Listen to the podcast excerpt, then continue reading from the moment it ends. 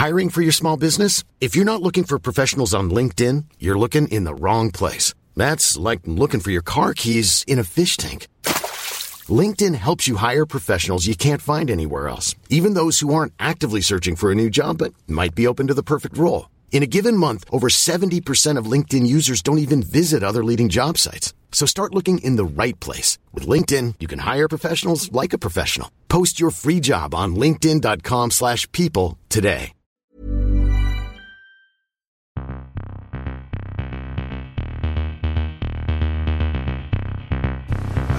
Guten Tag. Meine Herren, es gibt vier Fragen, vier Antworten. Die Fragen, die stelle ich und die Antworten gebe ich auch. Da lache ich mir doch einen Arsch ab. An Stefan Effenberg kann man nicht zerbrechen. Ja. War das klar und deutlich?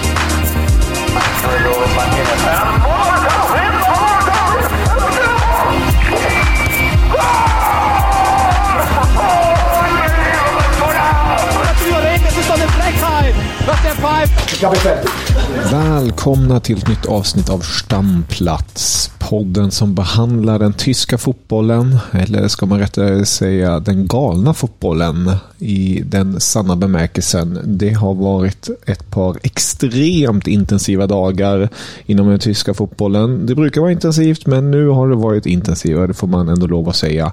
Och vi bjöds på en säsongsavslutning utan dess like. Från Bundesliga ner till Dritte Liga. Dramatik in i det sista och ehm, ja, jag vet inte. Ehm, jag blev i alla fall minst tio år äldre i hela den här processen. Eh, jag kan tänka mig att du blev minst 25 år äldre, Filip. Jag skulle precis ta till mig att det blev väl dubbelt så gammal, men eh, 25 låter nog lagom. Alltså sanslöst. Första Bundesliga och Dritteliga på eh, lördagen. Och sen då finalen, Schweizers uppgörelse, där mitt HSV var involverade. Som blev, ja, det kan väl inte bli mer dramatiskt än vad det blev. Så jo, jag, jag känner väl att de grå håren är på väg nu. Ja, det förstår jag verkligen och vi kommer ju prata mer om ditt kära HSV snart. Men vi, vi går ju... Tyvärr. Tyvärr. Men vi går ju som vanligt i någon form av ordning och då börjar vi längst upp i Bundesliga och eh, ska vi på något vis ta ner det som hände i helgen i den här galna uppgörelsen mellan Dortmund och Bayern München. Vi behöver ju kanske inte gå detalj från detalj för att jag gissar väl på att de flesta ändå är medvetna vid detta lag vad som hände där. Men det som har hänt är ju att Dortmund sket ner sig själva ännu en gång, sköt sig själva i foten, saboterade för sig själva och förstörde allt. Det var ju precis där jag förutspådde, ja. var det inte det? Att de skulle slå Augsburg i näst sista omgången mm. och sen skulle allting skita sig på hemmaplan när det var upplagt för guldfest. 300 000 människor hade sökt biljetter. Allting var liksom klappat och klart. Nu skulle guldet hem till Borussia. Och vad händer Kevin? Ja, vad händer? Alltså, det, bara, bara innan vi går in där, vi måste bara eh, paketera in det ännu mer. Du var inne på det jättebra där. 300 000 hade sökt biljetter.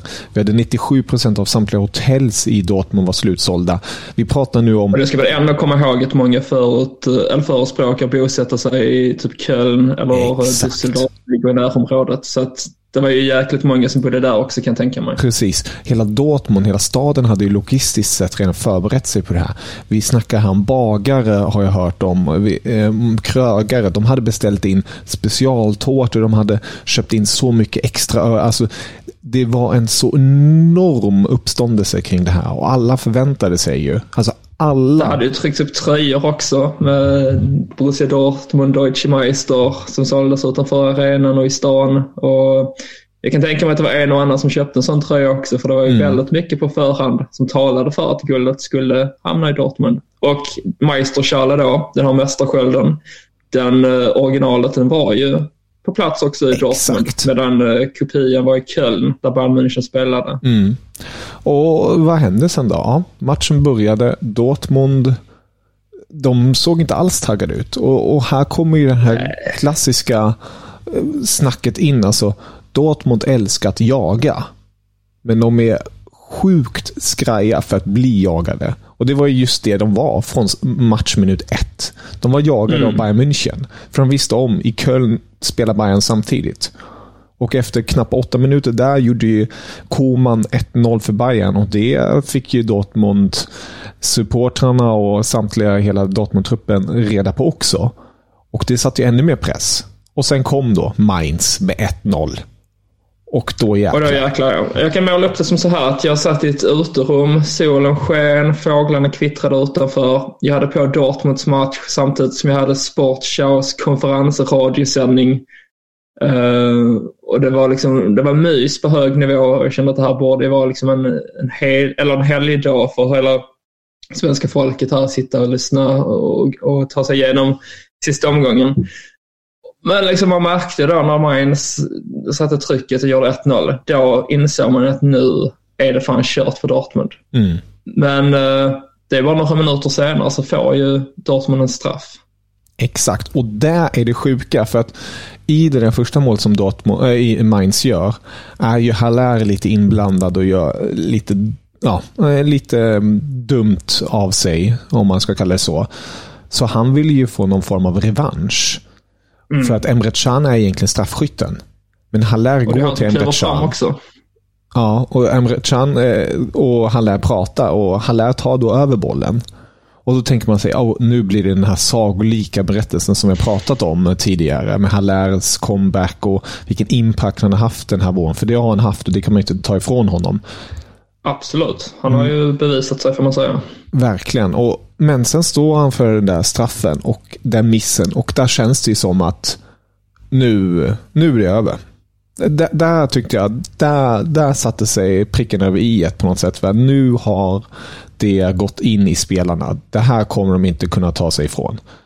Och, eh, Nej, alltså där fick man en gratis chans till att studsa tillbaka väldigt snabbt. Mm. För det var ju bara några minuter efter att man hade fått 1-0 i baken. Och Precis. det är så psykologiskt viktigt där att få till en kvittering mm. och sen ösa på. Liksom att man vaknar till liv. Det blir ett wake-up call att Mainz tar ledningen. Sen får man chansen direkt att kvittera.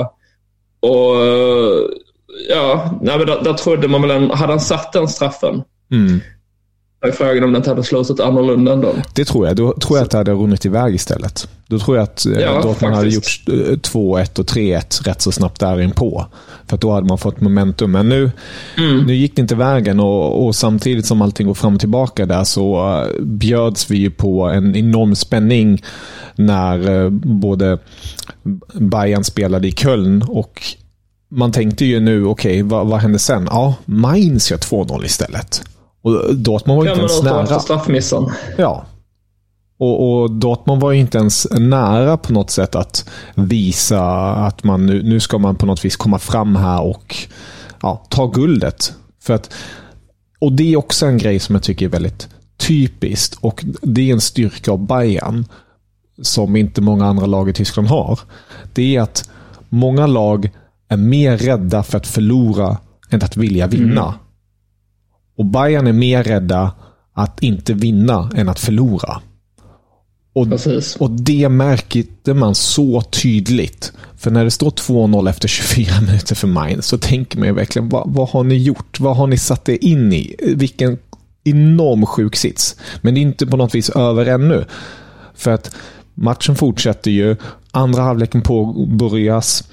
Eh, ska sägas att Dortmunds spel var ju inte särskilt bra det heller. Alltså det var ju mycket långbollar. det var mycket panik helt enkelt och många spelare kom inte alls upp i den nivån som man är van vid dem att se. Men sen kommer ju det här otroligt sjuka slutskedet på det hela. Vi har ju Rafael Guerreros mål i 69 minuten. Står det mm. 1-2 till Mainz. Men spolar vi fram lite så gör ju Köln i den 81 minuten 1-1. Och det betyder att Dortmund är mästare.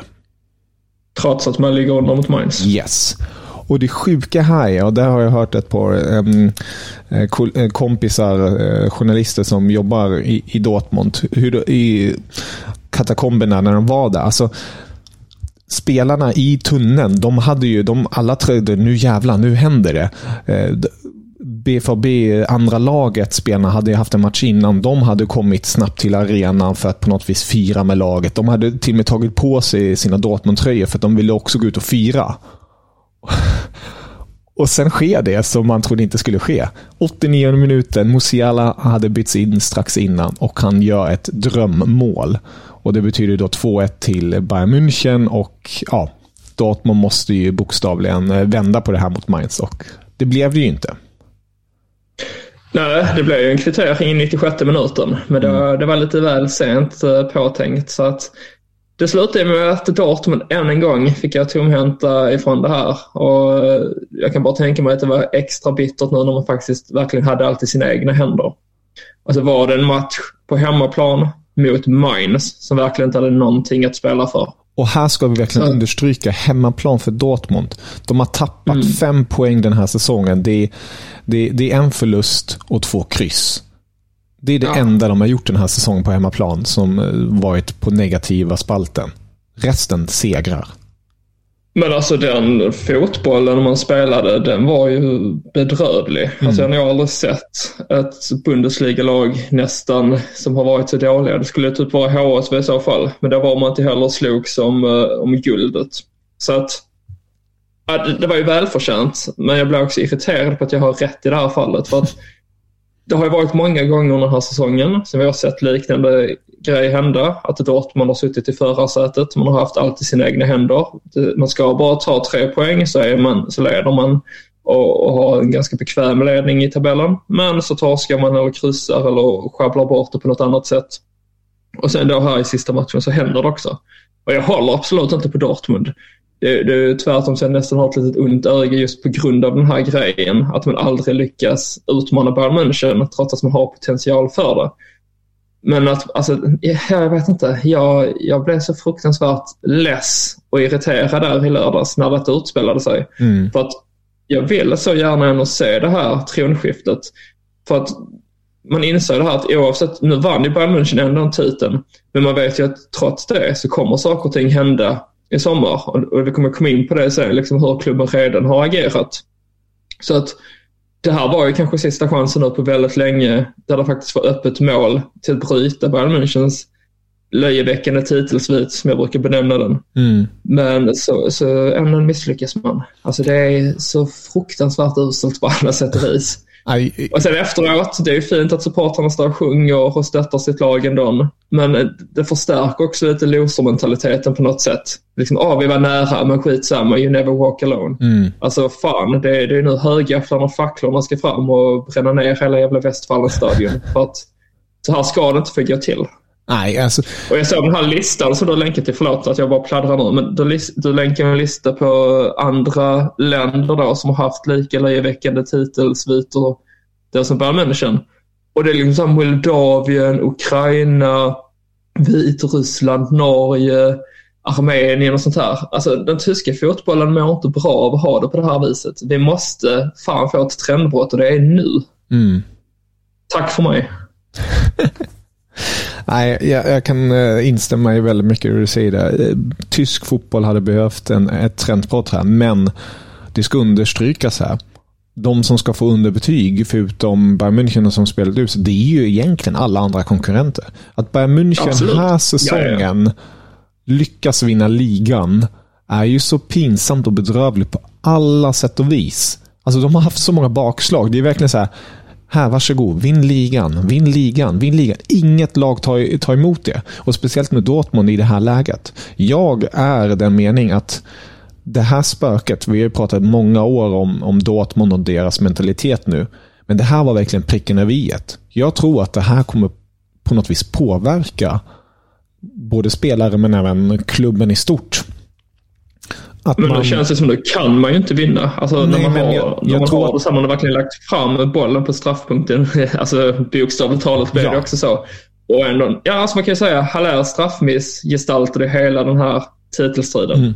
Jag tycker hela den här sista omgången var, en, var hela säsongen komprimerad. För det var, såg mm. nästan ut som att Bayern skulle tappa det igen för att de skaffade sig en dålig hands och alltihopa. Alltså det var väldigt mycket som återspeglade allt vi fick se under hela säsongen på alla sätt och vis. Ja. Och eh, precis som du är inne på det, jag tycker det, det, det säger också någonting. All respekt till fansen i Dortmund. Eh, och härligt hur de stöttar sitt lag och så. Men jag tycker att den här tystnaden som uppkom efter slutsignalen i Dortmund. Att 80 000, så här, den här, på tyska låter det bättre, men om man, om man översätter det på något sätt, den här högljuddheten av tystnad mm. hos 80 000. Alltså det, det var så öronbedövande på många sätt och vis. För det, det var så ja, märklig känsla. Ja. ja, det var helt galet. Och nej, det, är som vi var inne på. Alltså, om inte Dortmund skulle vinna nu, när fan ska de vinna? Nej, jag kände också i Bayern München, det var ju knappt så spelarna kände så, så engagerade kring det här. Nej. Och jag såg en intervju efteråt med Thomas Müller där han sa att, att Bayern München ber inte om ursäkt för att de vann titeln, men att han mer eller mindre själv nästan hade hoppats på att Dortmund skulle ta det. för att det hade varit bra för den tyska fotbollen. Ja. Och det säger ju ganska mycket ändå när till och med Bayern München-spelarna och ikonen Thomas Müller mm. liksom ändå någonstans initierar att, att uh, han hade kunnat ändå glädjas åt om Dortmund vann titeln istället. Mm. Men liksom jag kollar på tabellen så båda klubbarna slutar på 71 poäng. Mm. Jag var inte när senast det hände att mästarna tog så få poäng. Mm. Och sen är det målskillnad som Bayern München vinner på. Ja. Och den här målskillnaden är ju roligt nog. Det är Julian Nagelsmans målskillnad. ja. Det är han Men, som löser titeln. Jag skrev lite ironiskt på Twitter också efteråt att, att det var ju tur då att Nagelsman fick sparken så att man kunde vinna den här titeln. Mm. Det är helt otroligt. Det är helt otroligt ja. på många sätt och vis. Men... Men när vi ändå är inne på Cirkus Bayern München, ja. sparkningen eller avskedet av uh, Jelle Nagelsmann. Det har ju hänt ett och annat här. Uh, yes. Redan innan uppgörelsen. Ja, och det är det som är det sjuka. Alltså, själva ligatiteln har ju inte varit i fokus i Bayerns fall. Det, det har varit en mellangrej. Det har varit, man har en presskonferens efter ligasegern där man mm. diskuterar någonting som är mycket hetare än själva ligatiteln. Och det säger också någonting över hur skevt det har blivit av att Bayern vann mesta, den här, den här mästerskapet, om man nu ska kalla det så, som ingen ville vinna. Det, det, det är så det känns den här säsongen. Det här var verkligen... Det är ingen som förtjänar att vinna det heller egentligen, Nej. om man ska vara krass. Det, det, är lite löjligt att säga så på ett sätt, men jag tycker att oavsett nu om det hade blivit Bayern eller Dortmund, så sett jag att Dortmund har sjabblat bort det så många gånger tidigare under säsongen. Där det ändå känns här liksom bara att ja, visst, kul nu att titelsluten bröts, men ni förtjänar egentligen inte det här. Mm. Så, alltså om vi säger som så här, om Dortmund hade tagit titeln nu, om man hade förlorat eller kryssat mot Mainz, så, på grund av att Bayern München inte hade lyckats slå Köln, det hade också varit en nagel i ögat tycker jag. Mm. För Dortmund-fansen har ju en tendens till att vara ganska självgoda och kaxiga. Så att det hade nog varit mycket malleri utan någon substans i det egentligen. Mm. Så på sätt och vis, man förtjänar inte vinna titeln. Det gjorde man verkligen inte. Men för den tyska fotbollens skull så hade det, hade det varit bra. Men ja, vi, vi får släppa det nu och, mm. gå vidare till Cirkus Bayern. Ja, för där händer det jävligt mycket. Mitt under brinnande slutspelsmatch så kommer Bild med exklusiva nyheter att Oliver Kahn och Brasso har fått sparken. Och här måste vi backa bandet lite och eh, det ska sägas att det finns två olika stories i det hela. Men Bayern München hade ett möte med Brasso enskilt och med Oliver Kahn enskilt förra torsdagen. Där de skulle meddela respektive person att de kommer få lämna sin post. Och man hade mötet för Smolve Khan och som man kan tänka sig så gick det inte särskilt bra. För att han ska enligt Bayern München då, utsaga, ha blivit så rosenrasande och så aggressiv att han slutligen lämnade mötet innan det ens var slut. Och sen fick de inte ens kontakt med honom. En och en halv timme... en sak här. Ursäkta? Finns, finns det någon annan fotbollsspelare eller före detta fotbollsspelare som kan bli så rosenrasande som Oliver kan. Förmodligen det skulle vara Felix Magath i så fall. Ja, förmodligen inte. Och sen, ungefär en och en halv timme senare, har man då ett möte med Brasso exakt samma sak går man igenom, men han tar det på ett annat sätt. Han eh, respekterar det, han förstår situationen och man kommer överens på ett bra sätt och han får följa med då till eh, sista matchen mot Köln och eh, därefter också fira med laget, guldet. Men på grund av att Oliver Kahn blev så rosenrasande och arg så tog man in ett extra möte på fredagen, dagen efter, alltså styrelsen och avsatte Oliver Kahn från sin officiella post som CEO i Bayern München. För att man var bokstavligen rädd av att se Kahn med laget i Köln för att han skulle skapa scener men även kanske till och med bli aggressiv mot Driesen. Alltså han som skulle bli efterträdare till, till Oliver Kahn nu. Så eh, man eh, gjorde det jävligt krasst helt enkelt. Kahn själv säger att han bara fick ett samtal och han tog det lugnt alltihopa. Men eh, att han sen blev sjuk. Men sen var inte sjuk. Och fick istället ett, eh, ett samtal att han inte fick komma med alls. Eh, och det har då varit, enligt honom själv, den värsta dagen i hans liv någonsin. Och, Det kan man ju förstå på ett sätt. Så Det finns ju två läger här och man vet ju inte riktigt vilket läger man ska tro på 100%. Det finns väl viss sanning i båda. Men eh, det man märker mer och mer och det som sipprar ut mer och mer och jag tror vi kommer få höra eh, de närmaste månaderna om detta väldigt mycket. Är att kan har verkligen skjutit sig själv i, i foten här under sin tid i, i Bayern München som CEO. Han har tagit till sig rådgivare externt. Han har inte varit så mycket vid Tignasi hos Olle Hunes som man måste vara. För att alla som känner till Bayern München vet om att eh, Bayern München är Olle Hunes och Olle Hunes är Bayern München. Även om han är er president och inte har en operativ officiell roll så är det fortfarande han som är gudfadern där. Och ska ha någon form av inverkan på allt. Men både Kahn och även Nagelsmann var sådana som försökte knippa av det och starta nytt. Och Det kan man tycka vad, som, vad, vad man vill om.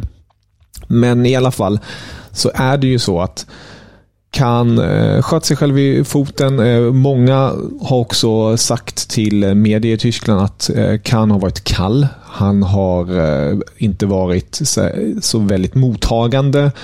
Och där tycker jag lite roligt, de sa det i Dopa i i doppelpass i, i söndags också. Vad hade man tänkt sig egentligen? Oliver Kahn var målvakt. Stefan Effenberg sa det. Oliver Kahn var målvakt. Han är en, han är en ensam varg. Han är en enstörning det är inte så att han har varit ledaren som har varit så här, kom laget tillsammans och allting sånt. Han har ju alltid kört sitt race. Och det är lite det han har gjort nu också som CEO. Och det är det som har skavt väldigt mycket. Så det, det har varit lite fram och tillbaka där och många tycker att det är tråkigt att det har blivit som det har blivit med tanke på att Kan ändå har varit en klubbikon. Eh, men vi lär ju höra mer om det senare. Det som är intressant nu i alla fall är nu när Kan är borta, nu när Brasse är borta, så har ju Olle Hunes skrivit mer och mer in i den officiella eh, ljuset, om man nu ska kalla det så. Han har alltid funnits där. Och han har tagit med sin gamla vapendragare Karl-Heinz Rummenigge, a.k.a. Kalle. Och Kalle då, som har eh, varit utanför det här rampljuset, var lite mer rådgivare och, och hjälpt till om det behövts, men inte haft någon roll alls, har nu klivit in i styrelsen igen. Men för att han skulle ha klivit in i styrelsen så behövde just Brasso gå. Och Det har också varit en av anledningarna varför Brasso fick gå, som många tycker är lite märkligt, för att det var ändå Kahn som var ansvarig. Men eh, Karl-Heinz Rummenigge har varit emot Brasso sedan nästan dag ett. Han har haft svårt för honom, men Olle Hunes har ju på något vis pushat honom och det har varit hans gubbe, om man ska kalla det så. Och eh, där vet de som har följt Bayerns historia vet ju om att Olle Hunes och Rummenigge har ju haft gnabbningar mot varandra, men de har en enorm respekt för varandra. Så de har alltid haft en så här varannan gubbe. Du får ta honom, du får ta honom och sen får man eh, respektera det och sen får man se vad som händer. Men när Brasso och Hansi Flick, den före detta huvudtränaren för Bayern München, eh, kom i bråk över spelartruppen och sånt, och det också var en av de största anledningarna varför eh, Hansi Flick gick. Och det är, ligger fortfarande över Brasso och det, det håller jag med om. Att, att tappa Flick var ju nu typ ja, början på slutet på, på, en fin, eh, på en fin start för Bayern. Så blev också Karl-Heinz Rummenigge väldigt arg och eh, var också en av anledningarna varför han inte ville jobba mer med Brasso. Så nu när Brasso är borta, då kan Karl-Heinz Rummenigge komma in igen och Karl-Heinz Rummenigge kommer tillsammans med Olle Hönes och Dresen, den nya CEOn och Neppe, tekniska direktören och Thomas Tuchel se över då den nuvarande truppen och vilka som ska säljas och inte säljas. Och Det kommer ju säljas enormt många. Vi kan gå in på det i ett annat avsnitt med Silly, men det är, det, det är mycket som kommer hända där just nu. Och man kommer leta efter en ny sportchef. Och där har det ju nämnts två kandidater i Markus Krösche, Eintracht Frankfurt sportchef och Max Ebel i RB Leipzig. Eh, den sistnämnde känns ju lite osannolik med tanke på att han precis kom till Leipzig och det skulle på något vis eh, göra hans, eh, ska man säga, reputation lite svartnad på ett sätt. För att det känns väldigt märkligt att, att förespråka en klubb så mycket och sen plötsligt bara gå till en annan klubb. Men eh, ja, det, det är kortfattat, även om det här var långt nu. Det här var kortfattade versionen av eh, FC Hollywood 2.0 eller som man nästan borde kalla det nu, Succession, som den där populära serien på HBO där, där det går om ett företag och familjer hit och dit. Det, det här är ju verkligen det på många sätt och vis med Olle Hune som den stora gudfadern. Ja, jag tycker du fick, eh, fick till som en bra sammanfattning av läget i FC Hollywood då. De lever ju verkligen upp till det smeknamnet igen. Så att ja, det blir en händelserik eh, sommar i Bayern München, det kan vi slå fast i alla fall. Mm, det kan vi verkligen slå fast. Men om vi lämnar den här toppstriden då eh, och bara mm. kika kort över det som slutligen blev sluttabellen. Vi kommer i ett annat avsnitt göra nomineringar och allting sånt för att vi går igenom mer detaljerat. Men vi kan i alla fall lyfta på den stora av största hattarna till Union Berlin som har säkert en Champions League-plats eh, och kommer spela Champions League nästa säsong. Det är ju helt otroligt. Med tanke ja, på... Det är makalöst. Man undrar ju när tar deras framgångssaga slut? När spricker bubblan? Det, det undrar man. Precis. Men... Eller ska man hinna vinna en titel först? Ja, det, det, det känns inte omöjligt. Och sen kan vi också konstatera att Bochum är det lyckligaste laget, eller var det lyckligaste laget i Ruhrområdet i helgen när man både fick se Dortmund fallera och Schalke åka ur. För det blev ju Schalke och Hertha som åkte ur Bundesliga och det blir Stuttgart som ställs mot ditt kära HSV i kvalet.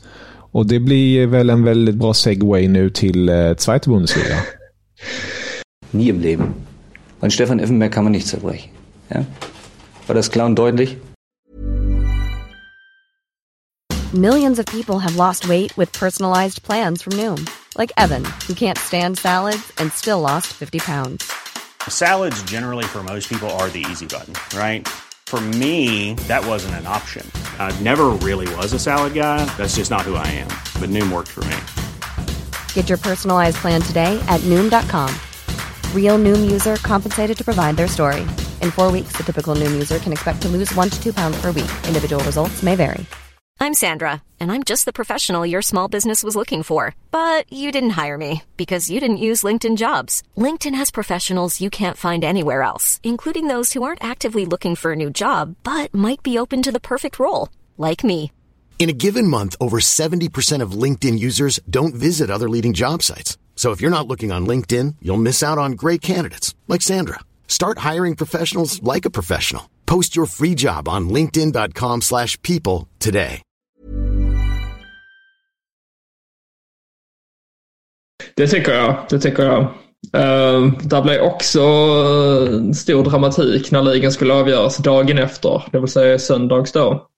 Och egentligen det det handlade mest om var väl om eh, uh, HSV skulle gå direkt upp eller om man skulle då hamna på den här kvalplatsen som man hamnade på. Och på förhand, så jag är ju en pessimist ut i fingerspetsarna när det kommer till mitt HSV. Så att jag var ju fast inställd på att men det kommer bli kval liksom och det blev det förra säsongen också och oavsett vilka vi ställs mot i kvalet så kommer det gå åt helvete. Så att när det sparkades igång då i söndags alla matcherna samtidigt, då var det HSV borta mot Sandhausen som är sist i tabellen, hade redan åkt ut. Och sen var det då Heidenheim som ställdes mot uh, Jan Regensborg också det på bortaplan. Och Regensborg hade ju också åkt ut. Det fanns en liten matematisk möjlighet att de skulle kunna klara sig kvar men eh, där skulle det ganska mycket till med mål och annat för att det skulle hända. Men eh, ja, jag var som sagt helt inställd på att det här kommer inte gå så att den tanken fanns inte ens hos mig att HSV skulle kunna ta en direktplats. Men man tar ledningen väldigt snabbt med 1-0 och det står sig. Sen samtidigt är det 0-0 mellan Regensburg och Heidenheim. Och det ska sägas att man var tvungna, Heidenheim var tvungna att tappa poäng där, att man inte fick vinna mot Regensburg. Uh, och Regensburg gör ju 1-0 och 2-0 ganska snabbt. Och där börjar hoppet infinna sig hos mig. Jag börjar ändå känna, oj, det här är möjligt. Uh, klockan tickar på. HSVs match avslutas med vinner med 1-0. Därför en jättedålig insats. Märktes också där att spelarna var nervösa, precis som Dortmunds. Eh, men Heidenheims match, den fortsätter och domaren visar 11 övertidsminuter. Och då har man hunnit reducera ganska snabbt efter att eh, Jan Rengesborg gjorde 2-0. Sen står 2-1 när klockan tickar upp på 90. I den 93 minuten tilldöms Heidenheim en straff. En ganska tveksam sådan. Det har diskuterats mycket i efterhand om det borde varit straff eller inte. Men jag är mer så liksom att det, det blir ingen straff och då får man leva med det. Det går inte att spola tillbaka tiden. Men eh, ja, matchen blåses alltså av i eh, Sandhausen. Fansen till Hamburg stormar planen. Spelarna börjar jubla. Det är nog ingen som har koll på det, att det är 11 övertidsminuter i Regensburg jag slår på då istället matchen mellan Regensburg och Heidenheim för jag bara känner att jag orkar inte ha det här liksom på livescore att jag får att, eh, att Heidenheim gör 3-2. Eh, så att jag får ju se när detta händer live. När Heidenheim då rakar in 3-2. Tim Kleindienst, skyttekungen, assisterad av Jan Niklas Bäste, assistkungen. Om jag sätter dit 3-2 är det nionde övertidsminuten. Och där och då så är ju loppet kört. Då, är det, då har HSV gått alltså från en direkt uppflyttningsplats till kvalplatsen. Och för egen del så var det nog den största käftsmällen jag någonsin har varit med om i, när det kommer till HSV. För att inte ens när vi åkte ur Bundesliga kände jag som jag gjorde i söndags. För att jag hade gått från att inte ha något hopp alls till att liksom maximera det och allting talar för att ja, men nu kommer det hända. Men sen blir det då 11 övertidsminuter som jag inte fattar var de kommer ifrån. Och, och då vet man också att nu kommer det förmodligen gå åt helvete och det är precis vad det gör också.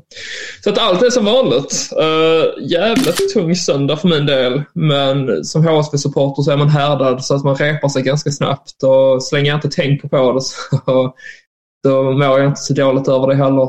Och nu har vi då en chans att ändå gå upp via kvalspel mot Stuttgart som väl är den klubb i bottenträsket där i Bundesliga som man absolut vill undvika. Så det blir en tuff uh, utmaning klubben har framför sig, men uh, allt kan ju hända i Tyskland, det vet vi om. Det kan det ju. Eh, och det finns ju en statistik som är lite intressant. Nu har jag den inte fullständigt i huvudet, det är ju lite dåligt, men jag tror de senaste fem eller sex åren har laget från Bundesliga som kvalar inte åkt ner, förutom en gång. Mm. Och det var Stuttgart. Precis, mot Union Berlin. Exakt. Och... Så att det är väl det lilla hoppet man har. Sen, eh, alltså jag, jag kan ändå tycka det är lite fascinerande hur ofta ändå det här statistik och historik kan spela in. För det känns som att nu är det ett helt annat Stuttgart än Don än vad det var för, vad blir det, fem, fem år sedan blev det väl? Det var säsongen 17-18 tror jag. Nej, 18-19 måste det ha varit. Så fyra år sedan. Uh, så det borde inte spela någon roll, men sånt där kan ändå sätta sig i väggarna. Samtidigt HSV kvalar förra säsongen mot Hertha Berlin, eller förlåt, Hertha BSC. Och stod för en väldigt fin insats ändå. På bortaplan i det första mötet vann det och sen gjorde man en Dortmund, det vill säga att allt var upplagt för fest på hemmaplan, fullsatt. Hej och och så gör man sin, sin sämsta insats för säsongen och förlorar med 2-0 och fortsatt spela svajte. Så att min inställning nu är väl att jag tar det som det kommer. Jag har absolut noll förhoppningar. Jag hoppas nästan att det avgörs i första mötet så man slipper bondas i det andra. Men det kommer det med största sannolikhet inte göra. För att när det kommer till HSV så är det i absolut sista slutskedet man ska få käftsmällen. Så att det kommer säkert vara en jämn första match här nu borta i Stuttgart och sen på hemmaplan så, så skiter det sig. Men det som är extra bittert nu när man kollar på tabellen det är att för HSVs del hade det räckt med en ynka poäng till. Så hade man ju haft uppflyttningen säkrad. Om man har en bättre målskillnad än Darmstadt som nu till slut hamnar på andra platsen i och med Heidenheims sena seger som gör att de tack vare målskillnad tog, eh, tog första platsen där. Och eh, tidigare säsonger så har ju 66 poäng som HSV landade på har alltid räckt till direktuppflyttning. Så att det, det, är lite bittert att bara inse att det kvittar nästan hur vi än gör, vad vi än gör, så, så räcker det inte till. Och förmodligen så kommer det bli en sjätte säsong nu i Schweiz där man kommer då ställas mot Hertha eh, och Schalke. Och sen finns det några andra klubbar, St. Pauli vet man inte alla vad man har. Düsseldorf har ju visat framfötterna lite. Paderborn är också så här ett lag som inte har något att förlora. Vi har ett Karlsruhe som följer Stindel som förmodligen kommer att bygga nytt. Och Kreuter Fürth finns där, Nürnberg. Alltså, ja, det, det kommer bli en tuff säsong helt enkelt. Så att jag har mer känsla av att nästa säsong, förutsatt att man inte går upp nu, är snarare att man, det blir nog svårt att nå topp tre. Liksom. Så ja, det, det, är mörka tider, men det har det varit i många år nu, så det är inget nytt egentligen. Men det är fan eländigt att hålla på den här klubben alltså. Och som du var inne på med Hertha förra året, då var det ju en Felix Magath, en, en på något vis klubbikon som sänkte sin egna klubb. Nu får vi se om den Hamburgfödde Josh Wagnerman i Stuttgart sänker HSV. Det blir väl förmodligen så det kommer gå till, ja. Mm. Jag kör Wagnerman, ja. Han som, hans hjärta bankar för klubben, men han är ju för bra för att spela i andra ligan. Så att han tog steget till Stuttgart. Uh, Tänk om han gör självmål för Stuttgart.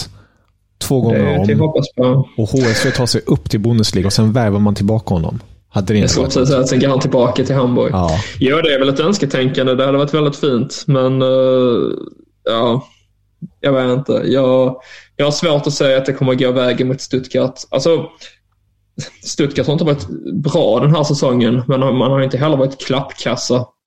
Alltså, så jag, jag känner väl att det är samma om man jämför klubb för klubb, så marknadsvärdet bara så det är tre gånger högre i Stuttgart, alltså spelartruppen är tre gånger så mer värdefull än Hamburgs. Och man har en av spelare som tidigare säsonger har varit uh, duktiga.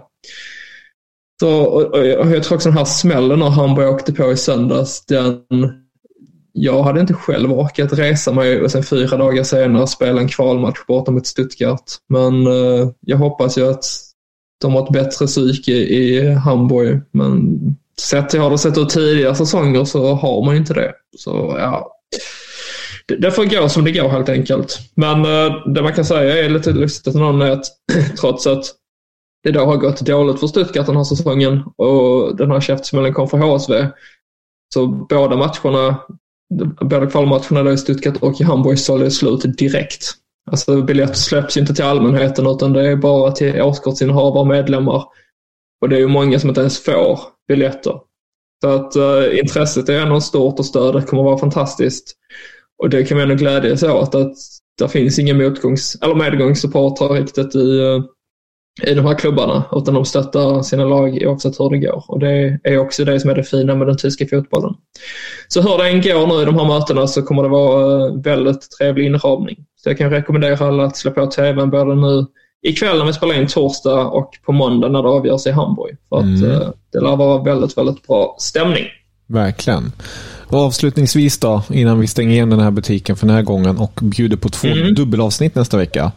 Så kan vi ju bara säga stort grattis till Osnabrück också, som stod för en galen tillställning i Dritteliga. Ja, herregud. Ja, det är ju värt att nämna. Det var ju samma dramatik där. Och så avgörs det på målskillnad i, vad var det, 93 minuten. Mm.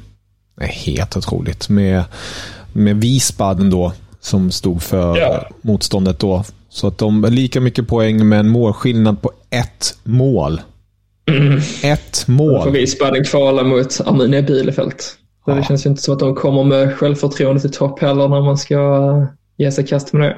Så att det är väl talar väl mycket för att Bielefeld spelar kvar i Schweiz och det är ju där man hör hemma om det inte är i Bundesliga. Mm. Ja, det var ett härligt och matigt avsnitt den här gången.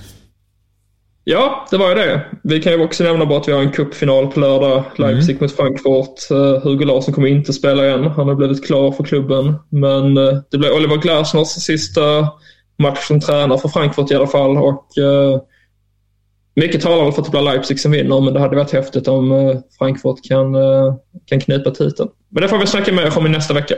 Det gör vi. Det gör vi. Med det sagt, sköt om er och auf Wiedersehen. Auf Wiedersehen. Guten Tag. Meine Herren, es gibt vier Fragen, vier Antworten. Die Fragen, die stelle ich und die Antworten gebe ich auch. Da lache ich mir doch einen Arsch ab. An Stefan Effenberg kann man nicht zerbrechen. Das klar und deutlich?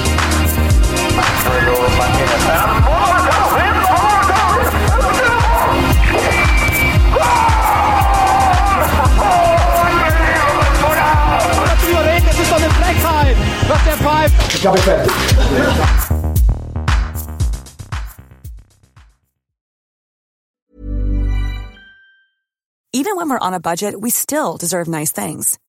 Quince is a place to scoop up stunning high-end goods for 50 to 80% less than similar brands. They have buttery soft cashmere sweaters starting at $50, luxurious Italian leather bags, and so much more. Plus, Quince only works with factories that use safe, ethical, and responsible manufacturing. Get the high-end goods you'll love without the high price tag with Quince. Go to quince.com slash style for free shipping and 365-day returns. When you make decisions for your company, you look for the no-brainers. And if you have a lot of mailing to do, stamps.com is the ultimate no-brainer. It streamlines your processes to make your business more efficient, which makes you less busy. Mail checks, invoices, legal documents, and everything you need to keep your business running with stamps.com. Seamlessly connect with every major marketplace and shopping cart. Schedule package pickups and see your cheapest and fastest shipping options from different carriers. With rates up to 89% off USPS and UPS rates. And with the Stamps.com mobile app, you can take care of mailing and shipping wherever you are. Make the same no-brainer decision as over 1 million other businesses with Stamps.com. Sign up with Code PROGRAM for a four-week trial, plus free postage and a free digital scale. No long-term commitments or contracts. That's Stamps.com. Code PROGRAM.